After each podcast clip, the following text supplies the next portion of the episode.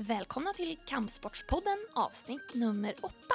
Idag är vi en man kort, Range har flytt till solen. Men jag och Jonathan, vi kommer snacka armbrytning med armsportens ordförande Anders Axklo.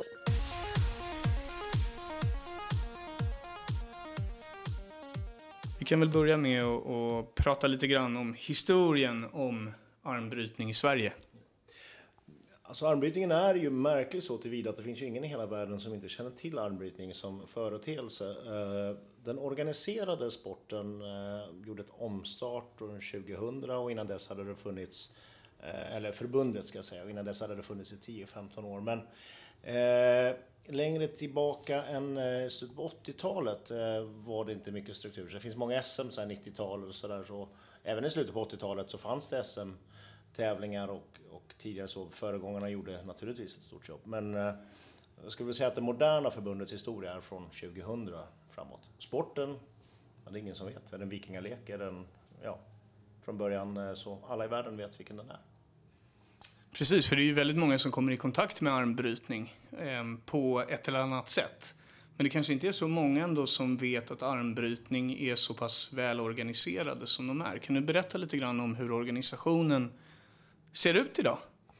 Ja, den, är ju, den drivs ju även internationellt rätt välorganiserat även om den inte är förankrad än. Man håller på i en process att komma med i sportrekord och sådär. Och eh, även para-armwrestlingen som den kallas, och paraidrotten, håller på att växa. Nu har man äntligen börjat med ordentliga klassificeringar. Eh, så att eh, kanske just av behovet att vara en riktig sport eftersom alla har den här förväntan så har organisationen drivits på medvetet. Sen är vi eh, några stycken som arbetar i förbundet som har lite olika folkrörelsebakgrunder. Eh, så att, så att vi har striktat upp det. Sen är det mycket, mycket kvar att göra. Men, eh, men vi har riktat upp sådana där uppenbara fallgropar som det kan bli i organisationen ibland. Så. Men eh, alltså fallgropar och fallgropar, det kanske inte är någon fallgrop direkt, men ni, eller ni, armbrytning var ju, var ju inne i RF redan innan ni kom in hos oss, eh, fast under brottningsförbundet. Eh, varför blev ni inte kvar där? Vilket vi i och för sig då är väldigt glada för. Ja, alltså den sanning med viss modifikation. Vi, vi var ju, formellt så såg det ut som att vi var en gren i brottningen Det var egentligen ett samarbetsavtal från början för att vi då skulle eh, komma in under RFSyn. Och, eh, det var egentligen personliga kontakter från början, de som var i ledning för förbundet då, i kontakt med brottarna. Och eh, vi hade vi hade liksom inget emot varandra någonstans och ganska stor respekt för, för brottningen som organisation och brottningens historia. Eh, men då har man det där klassiska att, eh, att culture eats strategy for breakfast. Alltså oavsett vad vi planerar och tänkt så är det väldigt olika sporter, väldigt olika kultur bakom det. Och det fanns ingen schism eller motvilja men det var svårt att få det att växa ihop helt enkelt. Det, det, växte inte ihop naturligt och eh, till slut sa brottarna att eh, vi tycker inte illa om men det här funkar inte riktigt och vi tyckte inte heller att det funkade riktigt. Det var liksom på pappret mer än någonting annat. Eh, och eh, RF-tillhörigheten var väsentlig för oss självfallet. Eh, vi sökte till och med själva på 2013 på riksmötet. Det var mer för att få det var mer en besiktning om jag ska vara ärlig än att vi verkligen trodde vi skulle komma med för vi visste att vi var för små där. Och därifrån så närmare tills vi lyfte luren och ringde till Bud och kampsport och sa att vi skulle vilja närma oss er. Mm. Och då var just det här med eh, relationen till brottningen var oerhört central i den första kommunikationen från Bud och kampsport. De sa vi är inte intresserade om det föreligger en schism. Är det något bråk får ni reda ut dig. Vi vill inte prata med någon som en del av en... Och eh, vinnlade sig ganska tydligt om att eh, vi kan gärna prata mer men först måste vi veta att det inte är något, eh, inte är något bråk bakom. Eh, att det var just bur och kampsport är för att vi tycker att armbrytning är en kampsport. Eh, vi tycker, eh, krasst så är det en väldigt distinkt blandning av kraft och kampsport. Och Budoförbundets, Budo kampsportsförbundets struktur passade, är ju, är ju skapad för, för mindre sporter som vi. Som en uppsamlings och paraplyorganisation och därför så Eh, behöver vi inte uppfinna hjulet massa, massa gånger. Hade vi närmat oss något annat förbund, vilket det nu skulle ha varit, så hade det fortfarande riskerat att hamna i samma plats som med brottningen. Eh, mycket av den resan som vi i sådana fall har fått göra har ju Bud och kampsport gjort och det var därför vi närmade oss där. Mm. Det är en intressant aspekt du tar upp där, för det, det blir ju lätt en sån diskussion. Liksom, vad är kampsport och vad är inte? I mitt fall så tycker jag att ni passar in på ett alldeles utmärkt sätt. Ehm, och ni har ju också kommit in i förbundet. Ni kom in 2015, 2016 till och med. Nu då så ehm, på årsstämman i mars blev ni också ett eget underförbund. Ja. Ehm, vad, vad föranledde det, det arbetet så att säga? Och vad kan du säga om att liksom, eh, vara ett eget förbund, ett eget underförbund? Vad, vad ger det er för möjligheter framgent?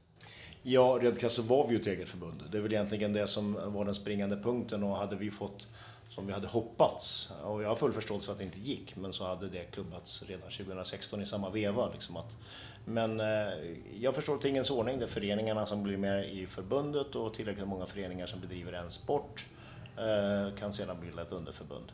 Eh, grejen är att vi har ju hela tiden autonomt funnits och relativt välorganiserade.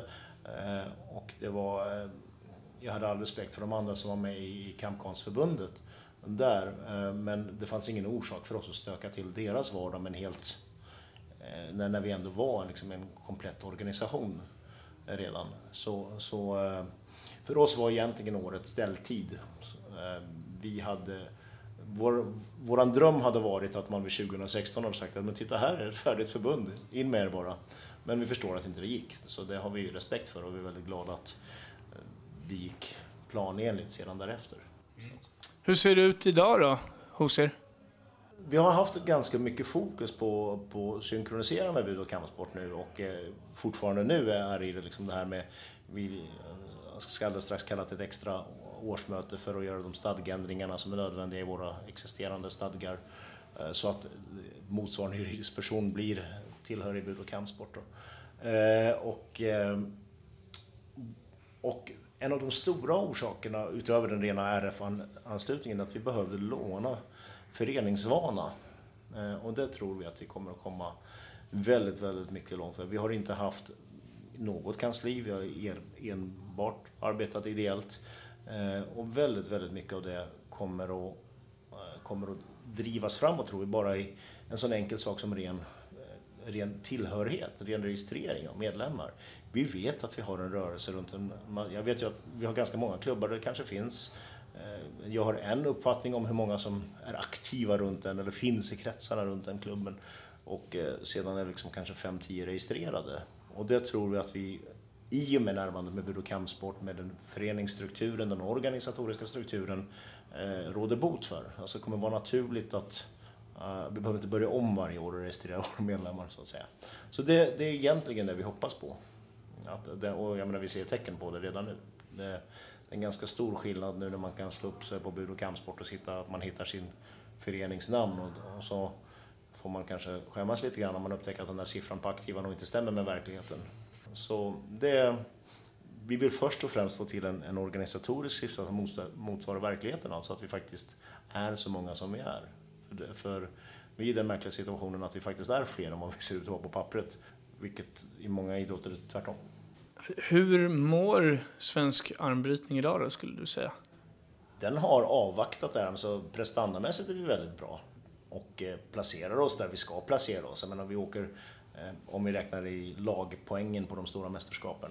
Eh, vi ligger, och som vår landslagskapten sa nu, att ja, vi siktar på en femte plats i, och jag menar 50 nationer på ett VM, men det klarar vi. Vi brukar ligga mellan femte, sjätte, sjunde plats där någonstans. Vi ska ligga där. Vi har långt upp till de bästa herrarna i världen, om vi tar ett snitt, men samtidigt så är de bästa herrarna i världen samlade i tre, fyra nationer.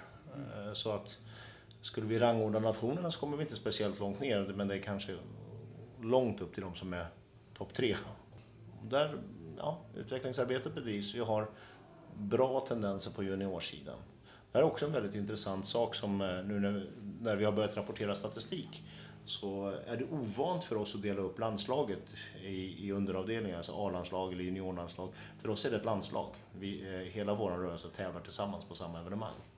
Så att eh, jag, det brukar sluta med att jag måste faktiskt sätta mig och titta efter i listan vilka som är juniorer och vilka som är seniorer. Jag kan flika in det. Jag tycker att det är en väldigt nobel del i, i er organisatoriska eh, struktur när det gäller tävlingar att juniorer, eh, seniorer och veteraner är med under samma tak. Det borde fler idrotter, tycker jag, ta efter väldigt många fler borde ta efter. Och, och, och, i synnerhet borde ju faktiskt eh, Riksidrottsförbundet titta lite närmare på hur ni jobbar med era evenemang där, om man nu vill uppfin, uppfylla sitt strategimål för 2025, det vill säga idrott hela livet. Mm. För det här är ju verkligen ett, ett sätt för människor att kunna idrotta i, en, i ett längre spann, mm. ett längre åldersspann än vad elitidrott överlag kanske på något sätt eh, räcker till egentligen. Sen har vi ju, tittar vi internationellt sett så förekommer det en diskussion. Nu ligger ju vår veterangräns, eller master som man kallar det, armbrytning, ligger vi vid 40 år. Eh, det finns ganska initierade åsikter om att egentligen så skulle inte det där behöva vara vid 40 rent prestandamässigt utan väldigt många av eh, väldigt många världsstjärnor är mellan 40 och 50 och eh, som även då går ner i den öppna klassen så att säga och som knappast skulle vilja bli ertappade i veteranklassen. Så, där, för att de, eh, så att, men det finns en viktig sak med armbrytning som jag eh, faktiskt vill koppla in lite grann till det stora projektet med eh, physical literacy mm. som vi talar om. Och det är att det, vi har ganska många exempel på folk som har haft armbrytning som ett sätt att komma att ta tag i sitt liv eh, träningsmässigt och fysiskt. Men de är inte träningsmässigt börja träna på riktigt och sådär. För armbrytning är något så fantastiskt som en idrott där du på en gång kan delta. Eh, vi ser inte gärna att folk tävlar på en gång, men, men eh, i, i, i sitt upplägg och sin form, så du kan ha varit otränad, du kan ha varit eh, knubbig hela livet, du kan alltid ha varit, blivit vald sist på jumpan. Det har inte varit roligt att vara med på någonting för du har liksom, ja först ska du konditionsträna i tre månader innan du kan vara med i, i praktiken. I armbrytning så kan du stå i bordet på en gång. Och vi har gott om exempel på folk som har den bakgrunden, har den självbilden eh, från sin uppväxt och som helt plötsligt hittar en fysisk aktivitet där de får vara bra på en gång. Och sen därefter så kommer det här att ja, jag kanske inte behöver gå i tungvikten när jag egentligen inte är större än så här. Då börjar man att titta på sin totala liv. Därför att man tyckte det var roligt på en gång. Man behövde inte nå en nivå för att tycka att det var roligt. Och detta är en kraft och kampsport. Det är, eh, jag ska inte säga att det är unikt, jag vill inte, men, men det är en oerhört stark sida i armbrytning. Där, där vi ser folk som kommer in som aldrig har känt att de har fått vara med på fysisk lek eller på fysiska övningar som kan vara med på en gång och som ser sig motiverade helt plötsligt att ja, men då kanske det är att gå ner de här extra kilona som jag bär på och komma i form för jag kanske inte behöver gå i tungvikten om jag kan gå i 85. Så att, eh, ja, det, vi har inte tagit tag i det organisatoriskt och knip, knyta in till det, men det är en väldigt, väldigt viktig aspekt i armbrytning. Det låter ju onekligen som en eh, som att ni tillämpar eh, physical literacy-modellen redan nu på ett sätt. Mm. Men att ni eh, kanske bara liksom inte har fått ner det på pränt på det sättet än. Men det, det, det är som du säger, jag, jag har ju själv varit och bevittnat SM, jag har själv sett några andra tävlingar också. Och eh, man ser ju alla typer av människor som deltar, liksom mm. på alla möjliga sätt. Och ni har ju otroligt stora tävlingar. Ni är ju otroligt många som ställer upp på ett SM till exempel. Jag tror ni var, vad var ni, 400-500 där ute ja, på Ekerö nästan. Men... Två, runt, eh, strax över 250 tävlande brukar det mm. vara på, på ett SM. Men det är mycket, det får vi erkänna. Men det ska komma ihåg att då har vi en ofantlig mängd klasser. Eh, och eh, det är 250-260 individer är det. Så de flesta av de individerna tävlar i både vänster och höger, så vi har ju en två dagars evenemang. Men det bygger på att armbrytningen är byggd som en gräsrotsorganisation där det finns en klass för alla i någon mån. Vi är många som diskuterar, har vi för många klasser? Och det kan vi nog tycka i mångt och mycket. Eh, men, men det möjliggör också ett deltagande för många.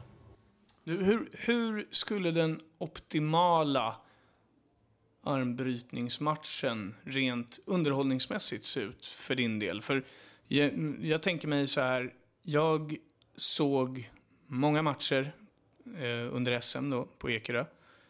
Ehm, och de allra flesta går ju i ett hy. Liksom. De, de, de, är slut väldigt snabbt, väldigt tidigt. Vad är det man som betraktare så att säga eh, och då är någon som kanske inte är liksom initierad på det sättet. Vad, vad är det man ska titta efter? Ja, jag har ju kommenterat armbrytning några gånger när det har gått på Eurosport och en del andra eh, rörliga bilder också. Och armbrytning vinner extremt mycket på close-up eh, tv-produktion med kunnig kommentator. Det finns mycket att se om man leds vid handen där. Men för den som sitter ner på ett golv och tittar på en storbild så är det svårt att uppfatta om man inte har förhandskunskap helt enkelt. Eh, det är extremt mycket handkontroll. Alltså kan du i startögonblicket kan man dominera motståndarens hand eh, på olika sätt och sen ta det som första länken i kedjan i hela rörelsen. Men det där är svårt att se om man inte är insatt på en gång. Det är lätt att förklara när man har det framför sig och förklara på en tv-skärm. Eller inte. Och då brukar man, ja men jag såg att han gjorde så, han gjorde den där lilla vinkeln kom så. Så armbrytning i sig är en väldigt, väldigt bra tv-sport och kan gå att göra mycket av det. Men din fråga, vilken är den optimala armbrytarmatchen? Vi har ju haft proffscirkusar i, i, som, som har premierat i sina regelvariationer en viss typ av armbrytning. Men märkligt nog så blir det, det, det lite grann det där med att, att göra festen till vardag. För då blir också Alltså gör du vardagen till fest så blir även festen vardag.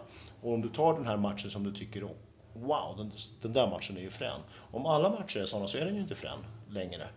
Eh, påtagligt ofta de långa, när man går in i hooken, handled mot handled in. Eh, de är jätteroliga att se som en kontrast. Men de, bara sådana arbeten är inte roligt att se. Det är egentligen att en match kan utveckla sig på väldigt många olika sätt som är, som är attraktionen för oss som håller på med det. Jag tycker att alltså en del av de matcher jag ser på de stora mästerskapen, så är det liksom den oväntade matchutvecklingen som, ja, som är allt annat, som är det, det roliga att se. Det blir ju lite prat om mästerskap och så. Vi ska alldeles strax gå in på landslaget och ett VM som stundar. Vi ska även snudda vid lite grann eh, en, en intressant vinkel i hur man kan konceptualisera eh, sitt SM som ni kanske gör bäst i förbundet, av de jag har sett i alla fall, eh, redan nu. Men jag skulle gärna vilja eh, veta lite grann hur den alldagliga träningen för en armbrytare i gemen ser ut. Om vi talar om e- elitbrytarna så har vi ju väldigt många av dem som du ser på ett SM som bryter i, i kanske inte i de öppna klasserna och längre. De, de tenderar oftast att liksom bryta arm i sin klubb. Man, en bordstid som vi kallar det, man står vid bordet. Eh, och så finns det en mängd variationer som du gör vid bordet. När du bryter arm vid ett bord så är det inte bara att du står och bryter för seger, alltså det är inte så match på match, utan det är precis som i en fotbollsmatch eller något annat, att ja, vi övar inlägg, eller vi övar passningar, eller Eh, man bryter ut moment ur, ur armen som vi övar fast man gör det fortfarande på bordet. Alltså, eh, våra absolut bästa elitbrytare gör ju naturligtvis ganska metodiska eh, ganska metodisk gymträning. Eh, mycket, mycket fokus på, på händer och underarmar eh, som alltså armbrytarspecifika övningar. Och sen är det samma som i, i cykler och uppläggningar, så här, som i all elitidrott. Du kan inte Eh, du kan liksom inte träna ner dig innan ett mästerskap precis, utan eh, hela cykeln är väldigt, väldigt tydlig. Eh, så arbetarspecifik styrketräning, ja, på gym. Eh, men framförallt disciplinerad träning vid borden. Inte bara in och bryta ner varandra utan här är jag så, som i, och som i alla, allting du gör i livet. Det du är dålig på är det du måste hålla på med. Alltså, och påtagligt ofta just när man är på lite lägre nivå så vill ju folk hålla på med det de är bra på. Eh, och det är där det gäller att disciplinera sig och ta bort sig. Men det där kan du redan, det vet vi att du kan. Nu ska vi göra något annat som du är dålig på. Ni är utspridda ganska stort över landet också.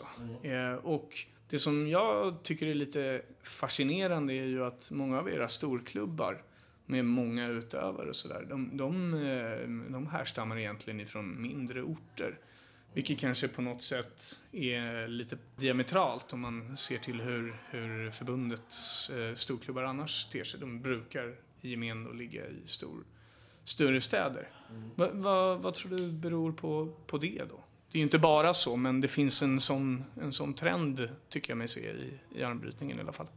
Ja, alltså dels så är det där, alltså det finns ju några ställen där det har uppstått klubbar och det är helt enkelt Allting är ju från, när det är en relativt ung sport så kan du ju alltid spåra det till individen. Mm, där fanns någon som tyckte det var intressant och sådär. Eh, sen är det så att vi har haft dålig organisatorisk vana. Eh, och vilket för inte alls många år sedan eh, så liksom var definitionen på en arbetarklubb några som tränade ihop och hade köpt likadana tröjor. Liksom. Det, och där finns ju liksom fortfarande kvar. De som vi har drivit vidare, eh, eller som vi har hjälpt vidare organisatoriskt, så är det rätt ofta så att vi har, som när du var ute på Ekerö, Ekerö är en del av Ekerö IF. Har man något jättegemensamt med någon? Nej, men du behöver en organisatorisk hemvist. Liksom, när det inte är så många så är det tungt att dra en förening runt. Den enda riktiga stor... Alltså, så ska komma ihåg att i armbrytning är storklubb inte speciellt många deltagare. Vi talar inte om lagsportsklubbföreningar med 400-500 del. Utan, menar, vi, utan det är ju liksom 30-40 liksom med en stor armbytarklubb. Så då, Storuman armsport, där man också har liksom armbytarinriktningen på gymnasiet, mm. är ju naturligtvis outstanding. Och där är det i spåren av Heidi Andersson naturligtvis, det går inte att komma ifrån. Men Fia Reisek är kusin med Heidi och också uppvuxen därifrån. Alltså det ger ju mer hela tiden. Till både Skåneklubben är ju, gick ju som första klubb innan vi var med i Budokansport, vart ju Armbrytning en del av Kaiso. Där. Eh, Vimmerby, gick in i Vimmerby kampsportsklubb och sa att vi hade några klubbar som gick före och sökte sig till den organisatoriska gemenskapen.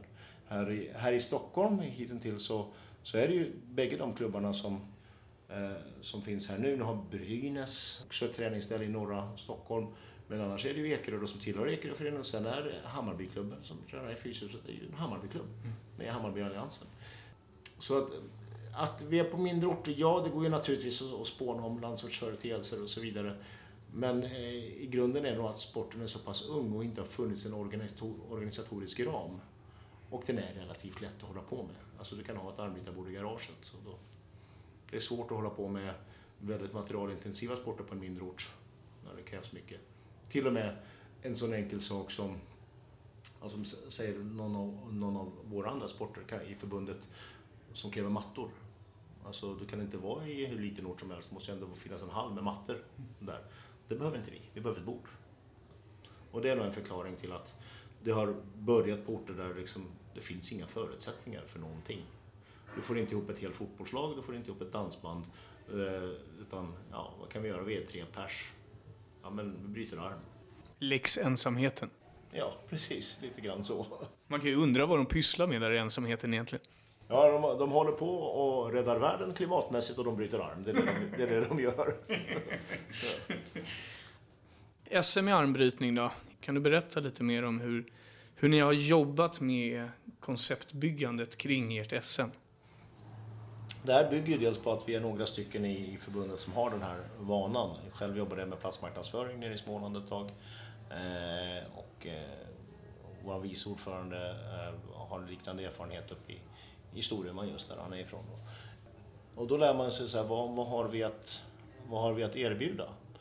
Och då är det så att för en mindre ort som jobbar med sin marknadsföring och som jobbar med sina anläggningar som har en överkapacitet så är det rätt attraktivt med, med med ett evenemang som drar 500 pers i tre, fyra hotellnätter. Det, det här var ju naturligtvis väldigt tydligt när jag jobbade i Vimmerby. I Vimmerby har man en otrolig kapacitet. Eh, men den är bara belagd på sommaren och den är dessutom räknad på att bara behöva vara belagd på sommaren. Vilket gjorde att man kunde skapa ganska bra förutsättningar under försäsong. Men vi kommer med 500 pers. Vad, vad, hur bra kan det bli? Liksom? Vad, hur billiga rum kan vi få? och över eh, så började vi också mellan 2007 och 2008 när jag arrangerade SM i Vimmerby när jag jobbade där. Så, eh, och det var mellan dem också som det blev ett två dagars evenemang när det växte så stort att vi var tvungna att köra vänster och höger en dag. Eh, och då växte det till och det här är också en stor del i hur man gör internationellt på de EM och VM. Det ligger också en stor del i det hela mycket runt den allmänna logistiken, sånt som folk ändå kommer att köpa och lägga pengar på, vägs in i approachen till värdplatsen. Och sen är det också så här, nu är det möjligt att jag svär i kyrkan, det finns folk i min egen organisation som tycker att vi ska ansluta till SM-veckan. Eh, och jag eh, har sagt att det kommer vi inte göra så länge jag är ordförande eller så länge tills jag blir nedröstad. Jag kommer ju foga mitt demokratiskt beslut naturligtvis, men jag driver åt andra hållet. Därför att eh, den riktiga, riktiga vinnaren i SM-veckan anser jag vara den organiserande orten. Eh, det är de som har full beläggning på allting. Det är de som har fullt betalt för allting. Eh, ja, det är tv-tid, men det kan man möjligen uppnå på andra sätt eh, också. Eh, men framförallt så är det så här att om jag ska gå in i, oavsett tävlingslokalen, men vad mina medlemmar får betala för ett hotellrum i tre dagar under en SM-vecka och vad de får betala i en mindre ort som gärna vill ha oss där i april. Det, det är en ganska stor skillnad. Hur, hur ser ett SM ut då? Du pratade om två dagars, och, två dagars tävling och sådär. Men ni, ni, har ju nästintill alltid tv-sänt på webben och, och sådana saker också. Ja, och sen det, när de, det som, som du har sett och varit med så har vi dessutom sedan några år god hjälp av eh, en, en, en polsk organisation som vi hyr in som eh, sköter det mesta på VM också. Eh, och det är det som är det fina med, alltså armbrytning är inte svårt att webbsända bra. Alltså, du kan göra en bra tv-produktion billigt Eh, på armbrytning eftersom det är statiskt, det står still och ändå så händer det någonting eh, drastiskt. Så att ett vanligt SM är invägning på torsdagen, möjligen ibland på fredag morgonen också beroende på, men nu för tiden så kommer alla på torsdagen. Så vi har invägningen där. Eh, vi har vänster arm på fredagen, sen har vi, skiljer vi på kval och finalpass. Och i finalpasset så, så går bara respektive final då i, i varje klass. Så ofta har vi en paus däremellan och i den mån vi marknadsför det utåt så är det finalpasset vi marknadsför eh, utåt att man ska komma och titta på alltså. För det, är tillräckligt långt det. Alltså, titta, titta på kvalet är möjligtvis intressant ur folkhälsosynpunkt men det är svårt att följa. Vi, vi, har, vi kör på fyra bord samtidigt. Sådär. Eh, kvällen första dagen brukar vi ha vårt årsmöte. Eh, det sammanfaller, det är svårt att samla klubbarna annars om det inte är ihop med mästerskapet. Eh, och sedan har vi höger arm på lördagen har det varit nu oftast. Eh, och eh, en avslutningsbankett eller festbuss. Så, så att tre dagar definitivt och påtagligt ofta så liksom går du in på söndagen också och liksom folk umgås fram till lunch. Och, och så vi, vi har alltid en dröm om att få in mer saker, lite seminarier och utbildningar. Ibland har vi domarseminarier och dylikt också. Men det är ju en rätt intensiv helg så, som där. Så, att, så ungefär så ser ett upplägg ut. Mm. Förresten, finns det några andra tävlingar sådär på, på svensk mark förutom SM som har hög status? Eh, ja, alltså hög status är ju alltid en tolkningsfråga. Eh, det, det, finns ett antal eh, mer eller mindre inarbetade tävlingar och jag ska inte nämna några vid namn särskilt. Vi, vi kommer att vara med på Fitnessfestivalen med en tävling i år igen men det är också för att det är ett skyltfönster. Eh, och vi ser till att vi har en bra tävling då och det är inte en uppvisning då utan då gör vi en skarp tävling för annars blir det ingen nerv i det. Det är ett bra skyltfönster eftersom vi då är i gränslandet som vi brukar säga mellan kamp och kraftsport så är det ett väldigt viktigt forum för oss där, eh, första helgen i december nu. Eh, men sen är det ju massor med tävlingar hela tiden. Eh, och sen har vi en, ett, en företeelse som har börjat dyka upp senare. Många av våra lokala klubbar eh, gör, väljer att inte arrangera en mindre tävling utan istället arrangerar en, eller står värd för, en, det de kallar för en storträning.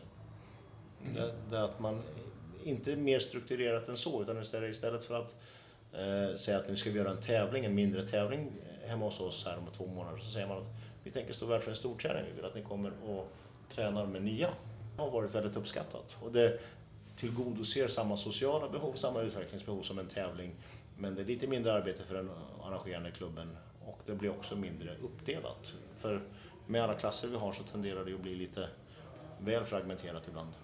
Nu tror jag att det är eh, många av våra icke-tävlande lyssnare som eh, sitter och njuter lite av det du säger. Eh, berätta lite mer, vad, vad, vad är det där för företeelse? Storträning alltså? Ja, alltså man bryter fortsatt arm.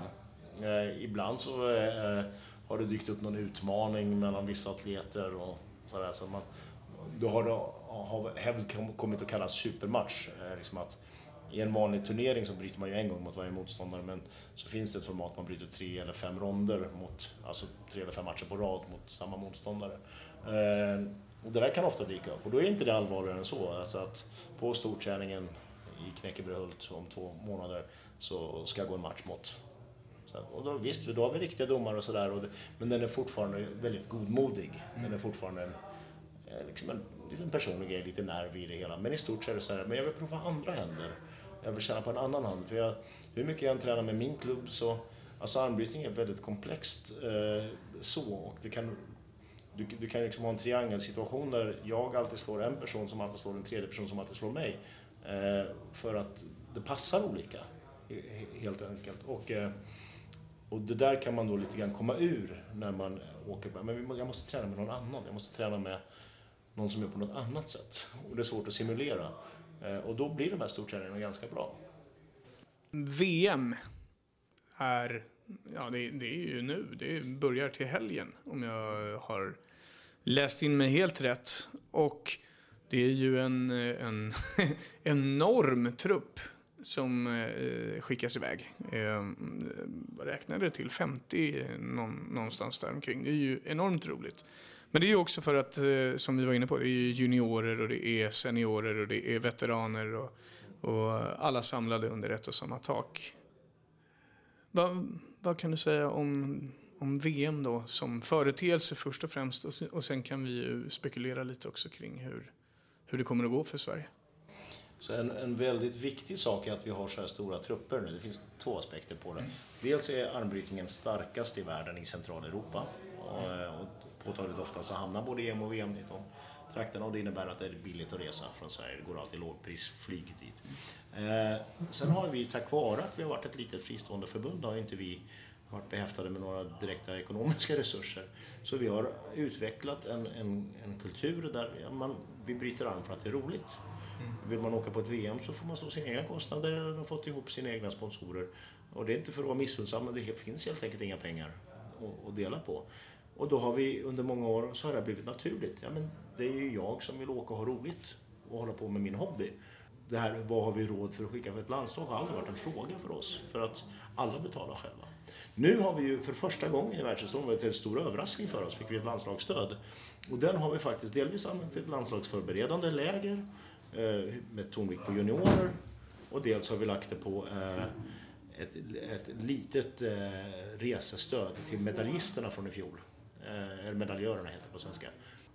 Och det var i sig någonting vi diskuterade lite grann, för det är ett litet avsteg från vår princip. Men, det var, men vi gjorde så att vi expanderade även till juniormedaljörerna, inte bara till de A-landslagsmedaljörerna. Men det, det, men det täcker absolut ingen hel kostnad, det är en, ett bidrag. VM i Budapest nu då. Mm. Ehm, och hur kommer det att gå för Sverige där, för svenskar? Alltså ett relativt starkt lag där. Jag tror vi har ett 20-tal i A-truppen om vi nu ska göra den Jag var tvungen att räkna efter eftersom vi, nu eh, har den uppdelningen här. Eh, vi har naturligtvis några man ska uppleva som fixstjärnor men det ska komma ihåg det är 50 nationer där. Eh, och 50 nationer, cirka 1200 deltagare totalt i alla klasser. Sex tävlingsdagar Eh, totalt sett. Eh, alla tävlar ju i princip bara två dagar, en vänster och en höger dag. Men det är först juniordagar och då har vi två juniorkategorier, vi har U18 och U21. Eh, och sen har vi veterandagarna som också går samtidigt som para-armwrestlingen. Och sen har vi seniordagarna lördag, söndag nästa helg. Då, så ska man i någon mån göra den här uppdelningen så man säga att det riktiga VM är ju sista helgen. Så att säga. Det är de kategorierna som öppnar för alla. Eh, jag tror att vi kan placera oss eh, eh, där vi siktar, alltså runt femte plats. Ryssland kan vi inte röra, Turkiet kan vi inte röra, Kazakstan och Ukraina har vi nog svårt att komma åt. Sen ligger vi och kampar med till exempel Bulgarien och hemmanationen brukar alltid vara stark för de har stora stor representation när det är Ungern. Ungern ligger vi i vanliga fall före men som sagt på hemmabanan kan de ha, de kan ha mycket folk med helt enkelt i många mindre klasser. Också, att, eh, men eh, ja, sen vill vi nog inte släppa förbi oss jättemånga fler. Vilka skulle du säga är de eh, största stjärnorna då i, i, i truppen? Fia Reisek går väl knappast att bortse från? Eh, Fia Reisek, eh, självfallet. Och eh, Elin Janeheim som junior. Som naturligtvis är ett enormt löfte. Vi har nästan aldrig sett ett sånt löfte i svensk armbrytning förut. Nu eh, vill jag veta eh, mer om henne, känner jag direkt instinktivt här. En 14-åring från Sorsele som redan har två J18 EM-guld och ett VM-guld. Som i våras på SM när det gick i Övik i år till och med i ena armen vann senior 60 kilosklassen. Alltså hon spöade flera av våra världsstjärnor i, som 14-åring. Hon kliver in och gör det. Eh, hon har flera år på rad. Dessutom, underhållande nog, ska vi säga att vi har ju dopingfrågor också i armbrytningen. Så tjejen som hon vann över, ryskan, 18-åriga ryskan som hon besegrade i finalen på EM nu, eh, testade positivt mm. och eh, avstängd därefter. Så att en dopad 18-årig ryska rådde inte på henne. Eh, är den krassa verkligheten. Så att, men sen ska komma ihåg att hon tycker det här är jätteroligt. Hon håller på med det här. Och eh, vi är väldigt, väldigt försiktiga med att flytta fokus till något annat än att det är det som är... Det är klart att det är svårt för hon är ett jättelöfte. Det är jätte medialt tacksam och så vidare. Ett enormt mycket större löfte än vad Heidi eller Fia var i den åldern. Eh, så att, ja. Niklas Nannestad, vår stora eh, mellanviktsstjärna, kommer till VM. Han har inte alltid prioriterat det, han har tävlat i en del eh, andra eh, proffssammanhang som eh, så det också ska bli roligt att se honom där. Men jag är försiktig med att nämna de här namnen eftersom eh, jag brukar ju vara, när jag blir intervjuad av de internationella organen här så brukar jag ju säga det att de frågar vad vi har förväntningar på vårt lag. Ja, jag förväntar att alla ska lägga sitt hjärta på bordet. Eh, och, eh, och gör de det och gör det de kan. Och, nu menar jag inte att det bästa, vi, vi räknar vinster, vi räknar segrar. Men jag räknar med att ingen ska gå därifrån utan att ha gjort allt de kunde. Och har de gjort allt de kunnat så kommer de att bli lika hyllade ändå. Däremot om man viker ner sig eh, så, eh, men det gör inte svenska armbrytare överlag. Vad, vad, skulle du säga karaktäriserar svenska armbrytare? Vad, alltså... alltså... vi är extremt sportsliga. Om jag, jag jämför med internationellt eh, härad. Det är inte så att det inte finns de hos oss som försöker liksom, skaffa sig fördelar och vi har bra domare liksom som ska hålla ordning på det. Men uh, vår polske vän som hjälper oss att köra, uh, köra SM med organisatorn, han tycker det är så fascinerande för att här behöver han bara trycka igång programmet när han kommer hit och så rullar det. Liksom. Uh, det är inget tjafs, man protesterar inte speciellt mycket. Man, man, man, man, vill, inte, man vill vinna cleant. Liksom. Det, och sen har vi en lagsammanhållning, alltså det är Sverige som hörs vid prisutdelningarna. I, i, eh, internationellt sett. Så att en lagsammanhållning den har kommenterats internationellt i forum många gånger och eh, en sportslighet som är men det är för att vi, det är av ren stolthet. Vi skulle aldrig, svenska arbetare skulle inte förnedra sig till att, eh, att försöka med något annat än att vinna. Men jag hade ju tänkt att vi skulle liksom gå in ändå lite granna på också vad armbrytningen har för stora framtidsutmaningar, eh, så som du ser det då. Och vad, vad ni förväntar er eh, få ut av eh, ja, förbundet och, och gemenskapen i, i, inom SBOK? Ja, så eh, det, den krassa verkligheten är ju att, att eh, det vi har att göra framöver, det är liksom det tråkjobb. Det, det, det är nötande, det är föreningslära, det är föreningsvana. Eh, att ha 20 medlemmar i varje förening istället för 10 i snitt eller vad vi nu har. Jag vet inte, alltså om ni tittar på de som är reggade. Eh, där. Att, att ha eh, en rörelse där vi liksom växer naturligt och där liksom inte tillväxten slarvas bort. Vi har ganska stor genomströmning i armbrytning. Alltså det är många som är med men vi har varit dåliga på liksom att organisatoriskt liksom bygga det där nätet finmaskigt. Eh, och det är det det handlar om. Och där tror vi att vi har, kommer att ha god hjälp av kansli, kansliet framöver. Eh, och det är liksom sådana här lite tråkiga saker om jag ska vara ärlig som är, som är det vi behöver utveckla. Eh, vi behöver ha en tydligare förenings Vana, en tydligare föreningstradition av att så här gör vi. Vi har många jätteduktiga föreningar, absolut ingen skugga över dem. Men vi behöver bli duktigare på att hjälpa dem och på att stödja dem. Och liksom att det inte faller ifrån en när det kommer en till liksom, i siffrorna utan att fortsätter att vara kvar. Mm. Är det också så att säga den, den, det du hoppas mest på med, med att ni har kommit in hos oss också i, i förbundet då? Ja. Nu säger jag hos oss, men ni är ju oss. Ja. Jag vill bara po poängtera det.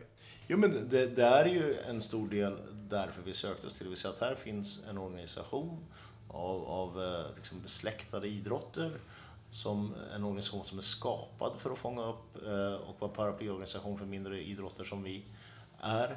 Eh, så ja, vi har den förväntan och vi har dessutom tycker att vi blivit väl mottagna i det avseendet. Eh, och för oss är ju så varje ny grej, som varje gång vi får en inbjudan till någonting i förbundet så är det ju en glad överraskning för oss, för vi känner inte till liksom, har en utbildning. Eh, så, så, att vi tycker det där är, är, är väldigt roligt. Eh, sen är det, är det viktigt för oss att kunna behålla vår tradition. Alltså samtidigt som vi, precis som alla andra, vill vara med i de stöden som man kan få från RF och så vidare, så har vi en tradition där det inte har varit centralt, utan ordningen och strukturen, det är nog det vi mest behöver, om jag ska vara krass. Vad är det då slutligen som du mest ser fram emot under armbrytarhösten här då? Ja, alltså jag har ju förmånen att, att vara speaker på de mest uh, skilda ställena. Så att jag, jag ska till Nordiska i oktober i Finland. I november ska jag till Slotty Tour som är den dominanta proffstävlingen i världen i Polen. Jag ska åka till VM där. Vi ska göra, eh, som jag hoppas, en bra internationell tävling på fitnessfestivalen. Överallt här så har jag den stora förmånen liksom att vara speaker och mickförare och även internationellt är det, även på VM.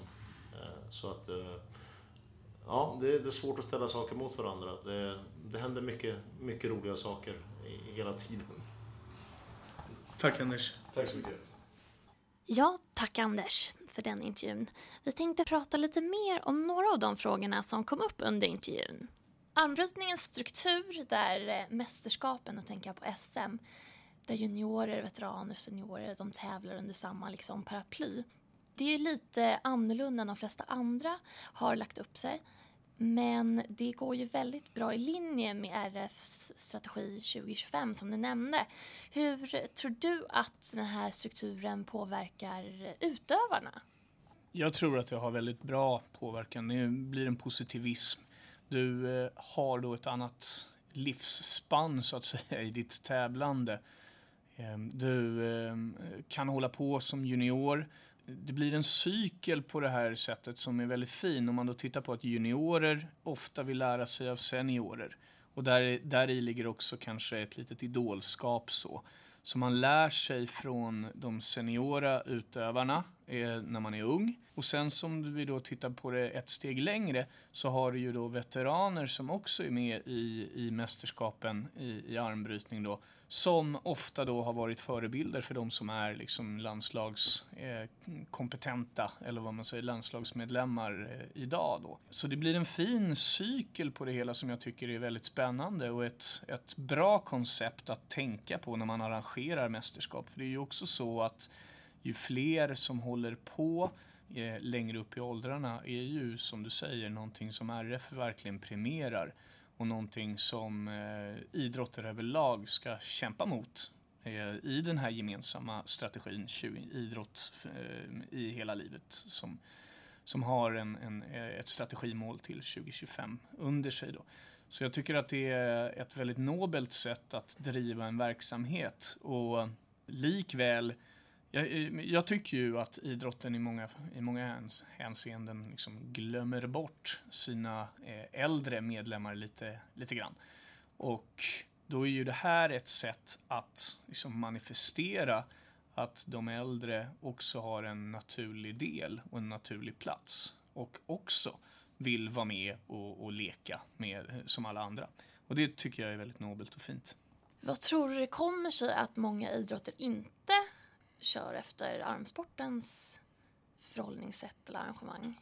Klurig fråga. Jag tror, jag tror att det har att göra med eh, kostnadsfrågor såklart. Eh, ju fler som är med på ett mästerskap desto dyrare att arrangera ofta. I och för sig då så kanske du får in lite mer pengar i, startavgifter och sådana saker. Eh, men på det stora hela så kostar det kanske mer än vad det smakar. Dessutom så, ja, det är i alla fall vad jag erinrar mig eh, att det gör. Jag har inte liksom någon specifik, något empiriskt eh, att stödja mig bakom den tesen. Men sen, sen kan man ju också se då att eh, det är ju liksom eh, i de stora medierna då så, så är det ju är det ju seniorer och i viss mån också juniorer då som, som lyfts fram. Ehm, det är väldigt, väldigt sällan som media gör någonting om, om veteraner och sådär. Så att ehm, medier behandlar ju inte heller den här frågan på det sättet som jag tycker att man borde kunna göra då. Ehm, utan när, när väl någon blir en veteran i någon idrott, ja, då lämnar man liksom rampljuset lite grann. Och då är det ju kanske ganska enkelt då att det är ju många idrotter som jag har haft kontakt med som, som har sagt liksom att eh, dagen då man slutar eh, tävla i, i landslag och, och, och så vidare, va? den dagen är väldigt svår. Eh, för att telefonerna slutar ringa och, och vet, man, man blir lite lätt bortglömd kanske. Så um, på det sättet så är det ju också ett fint sätt som armbrytarna har och jag hoppas och tror att fler kanske tar efter. I intervjun med Anders fick vi också höra lite om hur de har eh, byggt upp deras SM-koncept. Eh, mycket samarbete med olika kommuner. Vad tror du andra mindre förbund skulle kunna lära sig av armsporten när det kommer just till arrangemang kring SM och samarbeten? Mm, jag tycker det är en ganska intressant ståndpunkt som eh, Axklo pratade om eh, i intervjun. Då. Framförallt eh, att han nämnde då att eh, så länge han är ordförande för armbrytning så vill inte de in i SM-veckan. Och det har ju jag lite Alltså, jag, jag, ser både pros och cons där. Eh, SM-veckan är ju naturligtvis någonting som vi gärna vill att våra idrotter ska vara med i såklart. Men eh, i armbrytarnas fall så förstår jag eh, varför man inte vill vara med på SM-veckan. För att man har skaffat sig marknadsandel eller marknadsposition eh, och, och, skapat ett event som, eh, som man också liksom tjänar lite pengar på. Och det, det kan man ju kanske inte göra i, i SM-veckan-konceptet på det sättet. Så eh, kanske gör de lite SM-veckan-konceptet light redan i, i um, armbrytningen.